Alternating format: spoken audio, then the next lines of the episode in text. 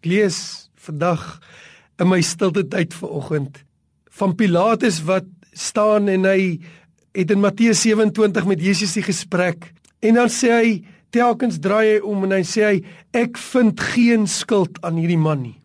En hy die Romeinse owerheid volgens die Romeinse reg vind Jesus totaal onskuldig van enige beskuldiging.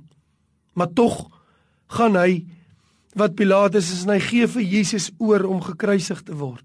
Die man wat hy nou net skuldig, onskuldig verklaar het, gee hy oor om gekruisig te word en dan doen hy amper 'n bizarre gebaar. Hy vat water en hy was sy hande in onskuld.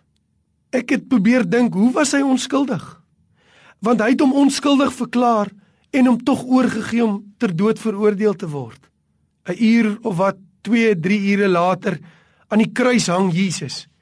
En 'n ander man het presies dieselfde gewaarwording. Na Jesus 'n paar keer beledig het saam met sy vriend, besef hy hierdie man wat langs hom hang, het geen skuld nie. En hy maak die volgende verklaring, dieselfde verklaring as Pilatus.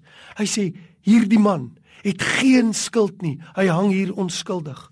Maar anders as Pilatus, anders as Pilatus sê hy, maar ek het skuld. Die ek hang hier en ek kry die verdiende loon van my optrede. En hy draai na Jesus en hy sê Here dink aan my. Hy verwag nie eers iets nie. Hy sê nie red my nie. Hy sê net dink aan my. En in daai oomblik kyk Jesus vanuit sy onskuld. En hy sê vandag sal jy saam met my in die paradys wees. Want jy sien die onskuld van Christus en sy offer bring jou by 'n punt Daar's net twee keuses. Die een keuse is die mens wat sê ek gaan myself probeer verontskuldig.